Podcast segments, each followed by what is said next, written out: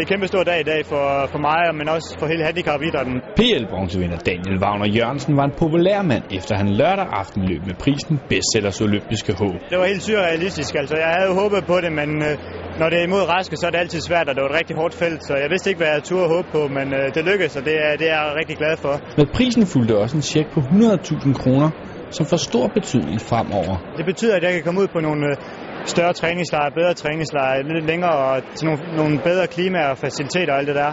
Øh, og det vil øh, fremme mine præstationer rigtig meget frem til Rio i 2016. Selvom den benamputerede atlet var glad for de mange penge, brændte han alligevel for at stille et enkelt spørgsmål. En del af pengene, der skal gå til en tøjsponsorat til Jack Jones, øh, men øh, nu har jeg jo nok flere ben end sko derhjemme, så jeg vil spørge dem om, om jeg ikke kunne bruge dem på, på et nyt ben, for det har jeg nok mere brug for en sko derhjemme.